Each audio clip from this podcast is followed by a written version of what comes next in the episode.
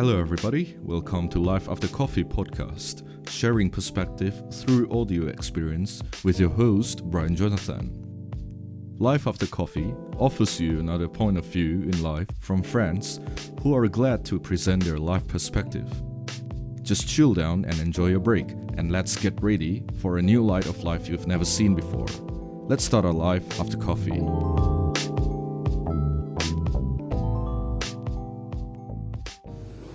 Kali ini Dalton benar-benar di cafe jadi sesuai dengan namanya Life After Coffee dia ngopi dulu Yeah. biar munculin ide-ide baru biar kalian dengerin ide terbaru dari Dalton itu apa apa yang perlu dibahas dari Dalton itu apa Yeah. Oke after this so what are you going to talk about ya And I think kita tetap talk about the things that other people tidak berani discuss, uh, which is uh, the ugly Okay. truth. Gitu. Top- Topiknya saya akan tetap Always ya, konsisten ugly dengan uh, jangan menghiraukan apa kata orang terlalu banyak. Opini-opini orang itu Oke. bisa boleh kita terima tapi jangan sampai jadi sesat. Gitu. So uh, we we can start with ignore everybody because we have our own way. Oke, ignore everybody. Oke, so kali ini kita bakal bahas gimana kita ignore everybody dan why we should ignore. Hmm, Walaupun memang ada beberapa ide yang bagus dari orang lain, tapi ya belum tentu kita harus terima semuanya. Pada intinya begitu hmm. ya. karena uh, for me ya more options uh, banyak opsi itu tidak baik contohnya kamu saya kasih dua HP yang bagus dua-dua different brand tapi Oke. uh, dua-dua itu high spec kamu akan bingung Oke, gitu. Mau milih mana. Sedangkan kita hanya butuh satu HP saya kasih kamu dua mobil balap kamu akan bingung. That's why kita, kalau mau mematikan potensi orang kasihlah dia banyak pilihan. Itulah kenapa orang Chinese di Indonesia itu selalu sukses. Banyak yang sukses. Itu karena mereka banyak mereka tidak punya pilihan selain bisnis Kenapa orang-orang uh, let's say pribumi galau, jarang sukses? Karena mereka banyak pilihan. Bisa jadi pejabat, bisa jadi artis, bisa jadi atlet, bisa jadi penyanyi, bisa jadi dokter, bisa jadi everything. Tapi kalau orang Chinese pada masa tahun 80-an itu mereka tidak ada pilihan lain selain bisnis. Hmm, That's why mereka mengesampingkan semuanya seperti jalan tol. Mereka jalan lurus, nggak ada lihat kiri dan kanan. Mereka sampai ke tujuannya, yaitu menjadi kaya dan punya fasilitas. That's it. Nah, ini Oke. bahaya. Because nowadays anak-anak zaman sekarang seperti kita, kita many options.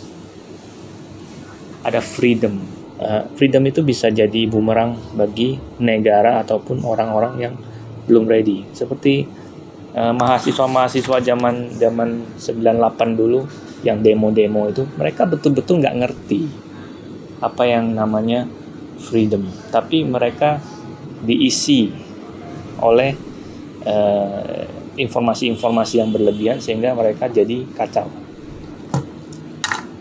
Something like that. hmm. So I'm very uh, full of uh, ilmu tentang ignore everybody. Kalau mau tanya apa saya bisa jawab. Maybe you can start asking me question kira-kira apa gitu. The master of not giving up. Nah, ya, gitu. pada intinya. Iya ya banyak sih banyak uh, tapi uh, orang-orang Asian ini tidak berani. Uh, teman-teman teman-teman bilang saya very Western. Sebenarnya bukan very Western. Very Uh, Western. memang bukan very Western, but saya sengaja melihat budaya Western karena mereka betul-betul 50 years di atas kita gitu. Jangan mengulangi kesalahan yang selama ini telah dilakukan orang-orang. Kita jadi stupid gitu. selain menggunakan otak sendiri kita kan bisa menggunakan otak orang lain yaitu pengalaman-pengalaman mereka. Kalau 50 tahun yang lalu orang-orang di US lagi udah ngetren cerai divorce. Sekarang Medan baru mulai ngetren kan? Berarti orang Medan tidak belajar apa yang terjadi di sana. Sehingga mereka zaman ini mereka menghadapi hal yang sama Oke, I see. Nah, tadi lu sempat bilang it's better if we do not have too many choices ya. Ya. Lebih baik kalau gak terlalu banyak pilihan. no choice is good choice Oke, no choice is good choice. Tapi how about this? Ada beberapa orang mikir ya kalau dia gak ada choice lain, dia terpaku pada opsi ini, which is dia ada kemungkinan lebih berpotensial di bidang lain atau di choice lain. Tapi yang belum tersedia buat dia, apakah dia perlu pursue gak untuk choice yang lebih berpotensial itu tapi belum tersedia? masalahnya eh, itulah. Itu kata kunci yang mematikan kemungkinan. Nanti kamu udah sampai sana Hmm, ternyata kemungkinan. itu kemungkinan itu hanya ilusi. Or maybe something. Kalau aku jadi eh, kamu aku pakai apa pun yang ada di sekelilingku untuk mencapai eh, maksimum gitu kemungkinan kamu akan hidup. Nah, kalau saya bilang kemungkinan kamu akan hidup lebih baik di Mars. Apa kamu bisa ke Mars sekarang? Nggak mungkin kan Gitu. jadi Hmm. eh, itu kemungkinan itu adalah kata yang kata yang sangat berbahaya gitu.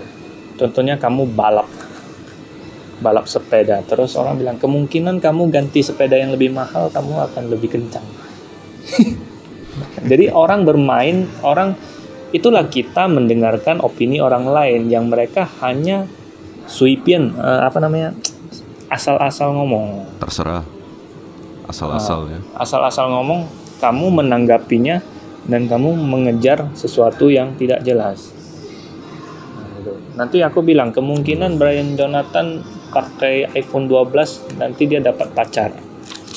Jadi kamu udah capek-capek beli iPhone 12 nggak dapat pacar pula gitu salah siapa salah salah orang yang mendengarkan Gitu.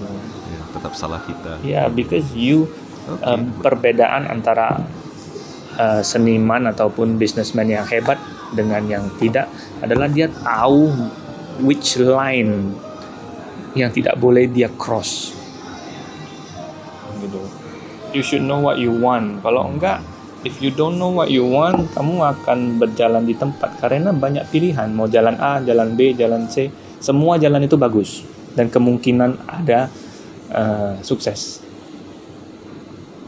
Gini. Hmm. itulah itulah yang buat bahaya. That's very interesting topik kemungkinan. Kemungkinan kalau kamu nggak pindah ke Bandung hari ini kamu jadi orang kaya di Medan. Itu kan bullshit Gak jelas soalnya. it's a, uh, aku bilang we can say kalimat yang celaka Pada intinya kemungkinan ini mencelakakan lah ya. But ada beberapa orang terus pakai kemungkinan untuk gambling gitu. Probability untuk gambling. That's why they say take risk gitu. kalau kamu bisa hidup 400 tahun nggak apa-apa. The problem is you don't have much time. Anak-anak yang umur 17 dia pikir dia banyak waktu. Ketika dia sadar dia udah umur 25. Dan di umur 25 dia juga belum tahu dia mau buat apa. Ketika baru mau mulai dia sudah disuruh menikah. Setelah menikah dia nggak ada jurisdiction, eh, nggak ada apa, nggak ada dikasih uh, hak untuk mengatur hidupnya lagi. Kamu harus think about your wife, you think about your parents, you think about your kids. Then you talk to yourself, I don't have life. Ternyata papamu juga begitu. Ternyata kakekmu juga begitu. Kamu hanya mengulang apa yang mereka.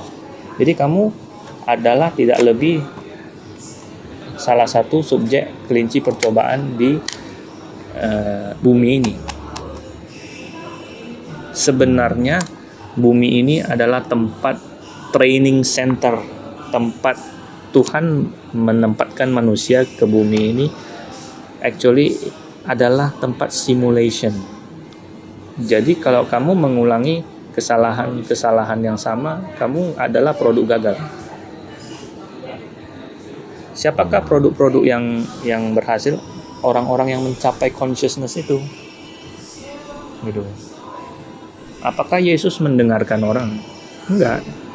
Dia tahu apa yang dia mau lakukan. Dia hanya mendengar apa yang menurut dia bagus. Tapi mendeng kita harus tahu apa yang kita mau dengan catatan kita punya pengetahuan yang absolute. Kalau kamu nggak ada pengetahuan, kamu bisa sesat. Gitu. Jadi wisdom and knowledge itulah uh, kuncinya gitu. I see, I see. Ya, berarti kita tetap lebih baik lah ya. Try that one choice itu ya, satu pilihan itu.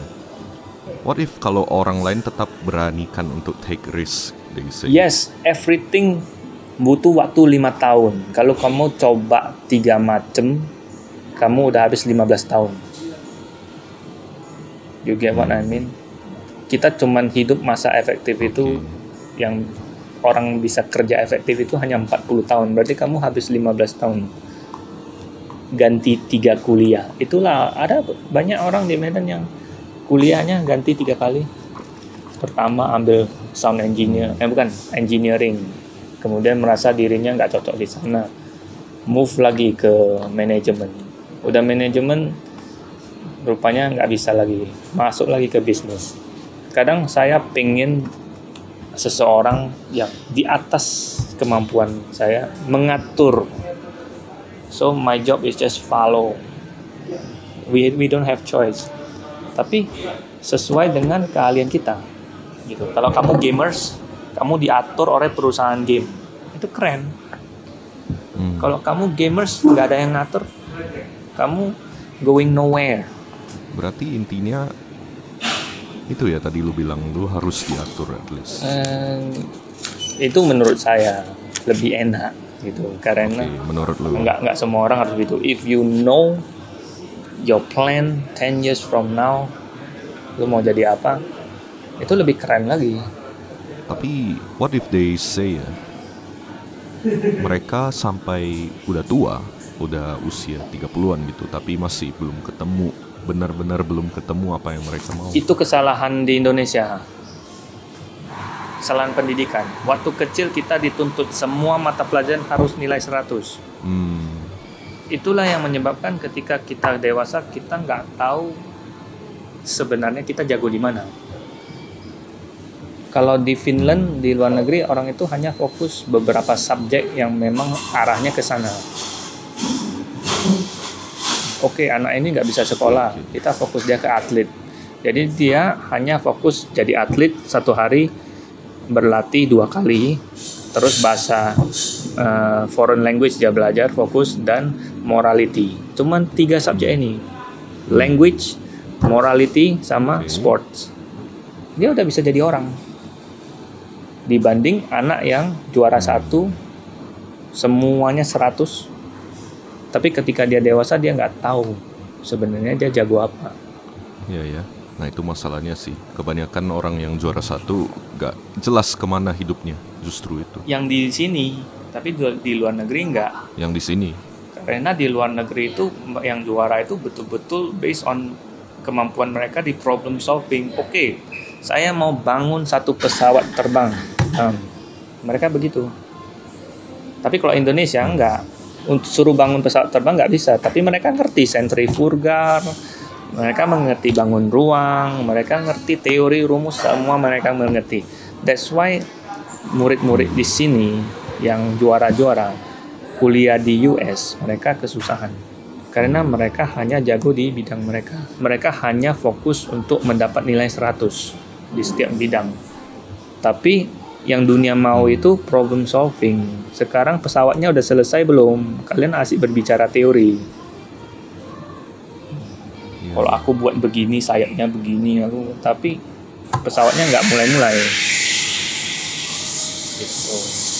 Eh, aku nggak tahu kapan dis negara Asia bisa berubah seperti US, tapi aku takutnya di luar sana memang nggak mengizinkan negara ASEAN ini untuk menjadi Uh, seperti itu sistem pendidikan yang dibuat di sini memang diatur sedemikian rupa untuk kita jadi pekerja. Oke, nah kita nyambung ke topik yang berikutnya nih. Nah justru oke okay lah kita tuh bukan yang benar-benar harus perfect di segala bidang ya. Kita fokus ke satu hal. Nah justru karena kita fokus ke hal-hal tertentu ya kita bisa munculin ide-ide yang lebih baru gitu ya. Dibandingkan orang-orang itu yang perfect di segala bidang yang akhirnya kaku banget jadinya. Nah ide-ide yang baru itu yang lu munculin atau apa pun yang lu, lu udah ngomongin di podcast ini deh hmm. itu most likely orang bakal gak semua bisa terima nih Iya. dan justru bilang lu aneh itu itu Oke. ada sebabnya. Ini saya baru baca suatu buku. Ide itu Hmm. tidak akan gampang diterima orang. Karena ide kamu itu bisa aja merusak pasar. Atau ataupun ide kamu itu merusak keyakinan orang. Ataupun orang yang sudah di posisi nyaman. Dia dia lagi duduk di posisi dia ini dunia ini seperti yang dia mau kemudian you come up with ideas Hmm. yang merubah dunia ini dia tentu nggak mau. That's why saya sering dibilang orang kamu itu ide kamu itu hanya konspirasi. Nggak betul. Gitu. Tapi konspirasi yang menjadi kenyataan itu pasti sudah terlambat. Kamu masih ingat film Terminator? Sebelumnya si Sarah Hmm. Connor dia udah datang kasih tahu pemerintah ini akan terjadi tapi pemerintah bilang ini adalah konspirasi. Ketika cyborg itu betul-betul datang it's too late. It's the end of the world. Hmm. begitu juga si Bill Gates corona itu dia udah predict 10 years ago. Orang terkaya di dunia bilang harus persiapkan diri untuk corona. Nggak ada yang dengar. Gitu. Ya, ya, ya. maybe bu virus Ah. lah intinya dia bilang Em, manusia terlalu gampang termakan oleh perkataan-perkataan yang hanya ingin mereka dengar. Gitu. Contohnya, banyak orang bilang perang senjata biologis itu tidak mungkin terjadi karena setiap negara sudah janji kepada United Nations. Itu kan bullshit. Masa kamu begitu gampang percaya, dengan hanya omongan orang? naif banget ya Tapi yang bilang itu orang dewasa, bro. Saya sampai bingung kenapa sangat gampang percaya kepada omongan orang gitu. Actually inilah perang biologis. Senjata biologis. ya, ya. Dan jauh virus ini sebelum coronavirus ini eh, datang, saya udah sering baca bukunya Ramalan Nostradamus. Akan ada satu per tiga, sepertiga orang di bumi ini akan hilang. Dan it's happening now. Menurut saya yakin virus ini, ini bukan yang berat. gitu. belum Akan ada yang lebih berat lagi. belum berat Iya. ya Yang betul-betul buat kamu stay at home. dan intinya tujuannya itu kan untuk cleaning the Hmm. people Sangat sorry itu saya sangat gampang. nggak berguna ya hilang sangat gampang make you stay at home. Saya membuat virus yang buat kamu kudis, kurap di wajah Hmm. kamu kudis. Kamu berani keluar rumah? Nggak mungkin, malu kan? Enggak, enggak. Hmm. Iya, iya. Tapi ada kemungkinan nggak kalau yang prediksi Nostradamus itu untuk bersihkan orang-orang di dunia ini, untuk hilangin orang-orang yang nggak berguna Eh, atau orang yang sorry to say low quality? kalau sebenarnya sih itu maybe natural selection. Orang-orang low quality itu Nature selection. ya kayaknya itu bukan urusan manusia itu bumi selalu selalu meriset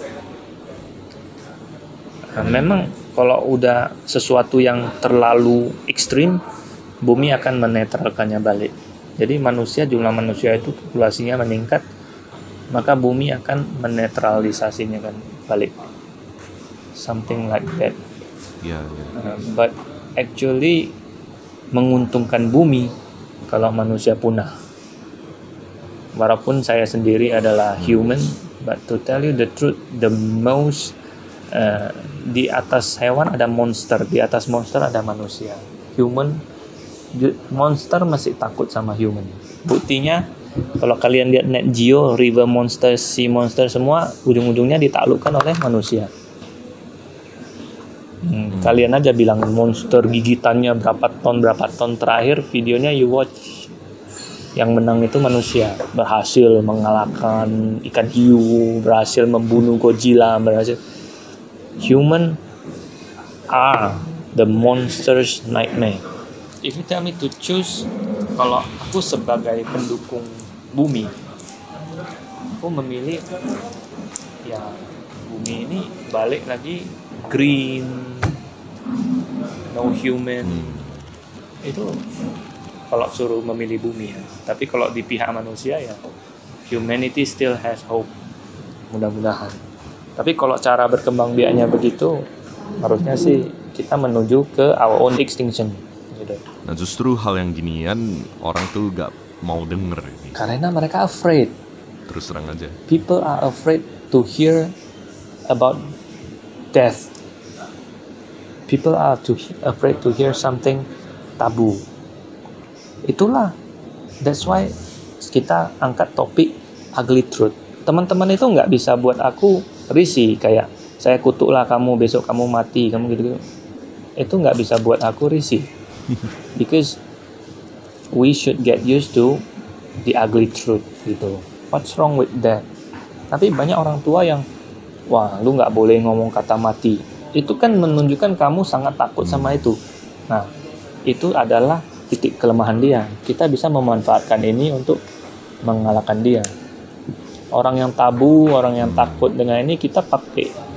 Oke, kamu jangan gitu. Nanti Tuhan marah. Dia udah takut. That's why orang-orang seperti itu gampang dipengaruhi oleh instansi-instansi. Oke, kamu harus sumbang sekian persen. Kalau enggak, eh, kamu eh, sial. Kalau tidak kamu, kamu kalau kamu tidak memforward pesan ini kepada 100 teman kamu, Anda akan sial. itu kan asshole banget. Banyak loh yang yang No wonder. cannot not doing that. Kirimlah pesan ini ke 100 Ya, ya. orang. No wonder karena orang udah nganggap kalau hal ginian tabu gak mau dibahas justru takut ya conclusionnya ya no wonder aja asuransi kan pakai mati gitu kalau besok mati gimana keluarga lu Iya. Eh, jadilah orang yang nating tulus. Maka apa pun kamu tidak Iya. takut.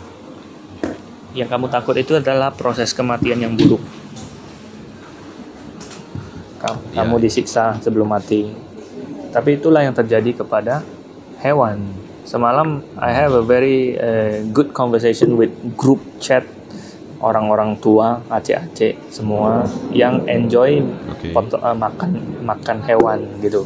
Mereka bilang binatang itu nggak ada feeling, nggak ada jiwa.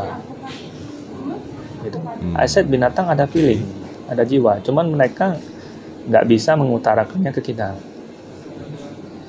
Gitu. oke nggak bisa Yeah, ekspresikan imagine if tomorrow I put you, I put your soul into a duck. Terus you come to me how gimana cara kamu membuktikan ke keluarga kamu bahwa kamu ini bebek ini adalah kamu? Gak bisa. Jadi kita jadi orang jangan sok. Tinggal dipindahkan aja soul kamu ke tubuh hewan. Kamu tidak akan bisa membuktikan ke orang tua kamu bahwa ini kamu, walaupun bonding kalian bagus, gitu. Eh, So, jadi be careful dengan kebesaran Tuhan. Sedikit aja dia ubah, we, you cannot do anything about it. interesting ya I know most likely teman-teman yang dengerin kayak kaget aja ataupun yang bener aja ini orang gitu but balik lagi he doesn't he doesn't care about what Actually, I cares every time kalau family kita komplain gitu-gitu, itu akan membuat kita goyang. Gitu. ya Ya, ada that's why. uh, family lebih pengaruh Ya, buat jangan nggak boleh. Actually, it's all about morality. Mereka takut, jangan buat mereka malu. Nggak boleh ngomong ini, Ya, nggak ya, boleh ya. ngomong itu. But uh, actually, freedom of speech. Kita harus ada freedom of speech. And make sure everything you are going to say is about untuk membangun bukan untuk mencelakakan orang Tapi apa pun yang dibilang di sini lah ya bisa dibilang blessing in disguise lah. Mungkin di awal terkesannya kayak mencelakakan orang karena sounds very scary. ya Tapi once you understand what we mean, apa yang kita maksud di dalam podcast ini ya, you'll know, you'll know it soon. So that's it for today. ya Thank you very much Dalton udah hadir di episode kali Ya. ini untuk bahas pada intinya kita ignore aja. Oke. ya Okay, so with me, Brian Jonathan, signing out. Goodbye. bye